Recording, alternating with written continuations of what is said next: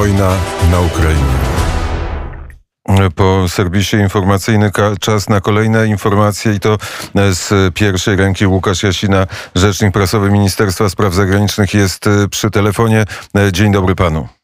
Kłaniam się panie redaktorze i kłaniam się państwu. Dzisiaj najważniejsze zdarzenie, w którym będzie uczestniczył polski minister spraw zagranicznych, to spotkanie ministrów spraw zagranicznych państw NATO i ministra spraw zagranicznych Ukrainy.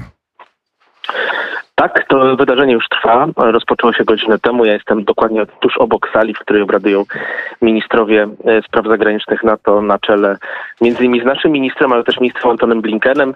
E, minister Rau zabiera podczas debaty ministrów głos jako drugi minister po Antonem Blinkenie co możemy uznać za spore wyróżnienie dla wysiłku, który w tej chwili Polska wkłada przed e, ministrami spraw zagranicznych na to bardzo wiele, bardzo trudnych decyzji. E, trwa dyskusja to do której kierunku jeszcze nie mogę się za bardzo Państwu wypowiedzieć, bo w części rzeczy po prostu nie wiem, ale na pewno dyskusja ważna. Około godziny 13-14 te sprawy będą w jakimś stopniu podsumowane. Co, z jakim nastawieniem polski minister spraw zagranicznych pojechał na e, spotkanie? Twardym, ostrym. Cały czas trzeba przypominać naszym partnerom, w jakiej sytuacji się znajdujemy, w jakiej sytuacji znalazła się architektura bezpieczeństwa w Europie i że mamy agresję na Ukrainę.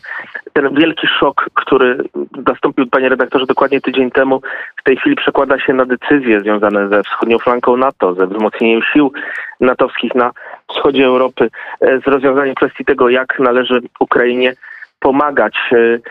E, to pierwsze spotkanie ministrów NATO na żywo, więc też będzie okazja do tego, aby w licznych rozmowach bilateralnych porównać swoje zdania, w końcu się spotkać zobaczyć zmiany, które nastąpiły u nas wszystkich.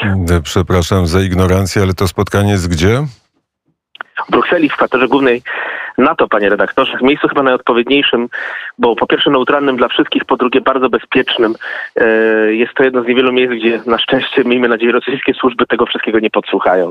Jest, e, jest, są apele, dramatyczne apele prezydenta Ukrainy, apele do NATO o to, żeby bezpieczne powie, powietrze było bezpieczne nad, nad Ukrainą, e, czyli przestrzeń lotnicza i apel o samoloty. Jak, czy, czy, czy pan tak sądzi, że o tym muszą o tym rozmawiać ministrowie spraw zagranicznych? Na pewno o bezpieczeństwie Ukrainy i strefy powietrznej nad Ukrainą rozmowy dzisiaj będą się toczyły. E, to jest rzecz bardzo ważna, aby powstrzymać e, rosyjską agresję również z powietrza, bo ona ma niestety bardzo poważny zakres i w tym, co się będzie tutaj działo. No, zobaczymy, jakie będą podjęte decyzje. Na razie państwa na to podejmują bardzo ostre decyzje, jeżeli chodzi o pomoc Ukrainie, ale pamiętajmy, że to jest też kwestia związana z działalnością samego paktu. Ukraina ciągle członkiem paktu północnoatlantyckiego nie jest. To, to prawda, ale ciągle za ten pierścień patrzę na mapę Ukrainy, mapę działań wojennych. E, coraz więcej, coraz więcej terytorium Ukrainy zajmują wojska rosyjskie. Pierścień wokół e, Kijowa się e, zaciska, także, także tego czasu, tego czasu na podjęcie tych ważnych decyzji nie jest zbyt wiele.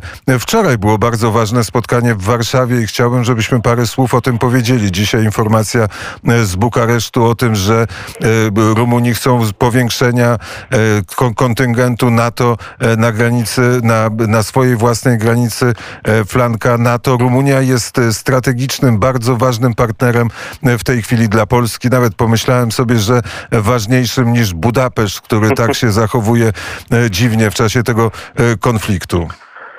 Zachowując dyplomatyczną wstrzemięźliwość w temacie Budapesztu, chcę powiedzieć, że bardzo ważną rzeczą jest to, że w ostatnich dniach udało się nam w Polsce, no nie tyle specjalistom, co wszystkim uświadomić, jak wielkie znaczenie mają dla nas relacje z Rumunią.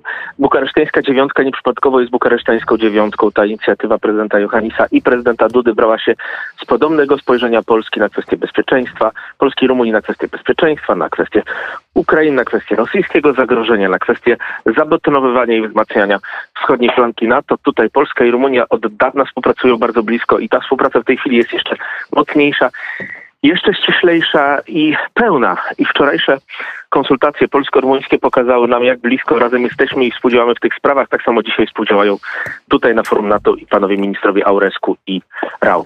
Podpisane zostało wiele porozumień polsko, e, polsko, e, polsko-rumuńskich, e, między innymi porozumienia o współpracy. Minister Rau podpisywał porozumienia o współpracy w placówkach dyplomatycznych. Co takie porozumienie znaczy i po co było podpisane?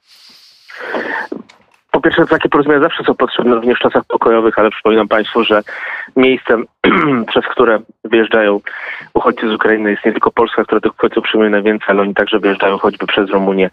E, przez Rumunię mogą wyjeżdżać Polacy. Pamiętajmy o tym, że w związku z tym ta współpraca, choćby z uwagi na polskich i rumuńskich obywateli, którzy trafiają się w obydwu państwach, jest bardzo ważna. A placówki dyplomatyczne, jak współdziałają razem, to w jedności siła i jest więcej możliwości. E, to, to prawda, ale to jest tak, że e, może być taka sytuacja, że placówka rumuńska reprezentuje interesy polskie, a placówka polska interesy Oczywiście. rumuńskie, gdyby była taka okoliczność i bez tego porozumienia tak by być nie mogło? E, mogłoby być, panie ministrze, panie redaktorze, ale bądźmy szczerzy, porozumienia zawsze są mocniejsze, ważniejsze, dają jakąś lepszą bazę do współpracy. No, w tej chwili na przykład mamy polskiego ambasadora w Kijowie, pan ambasador Świecki zawsze może Y, lepiej wspomóc rumuńskich choćby obywateli, jeżeli będzie taka konieczność.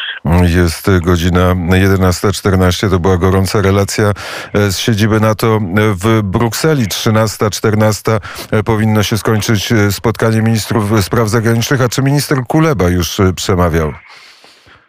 Jeszcze nie było przemówienia ministra Kuleby, spodziewamy się go w najbliższym czasie. To znaczy, to jest rozmowa, to nie jest e, przemówienie, bo to jest e, tak, robocze, tak, robocze, robocze, robocze spotkanie. Tu nikt się nie chwali słowami, tylko podejmuje się e, decyzje. Tak, tak, tak właśnie jest 13-14. Opinia publiczna powinna być poinformowana o tym, o czym rozmawiali ministrowie spraw zagranicznych państw NATO. Bardzo serdecznie dziękuję za rozmowę. Dziękuję panie redaktorze, kłaniam się. Łukasz Jasina, rzecznik prasowy Ministerstwa Spraw Zagranicznych, był gościem specjalnego programu Radia Wnet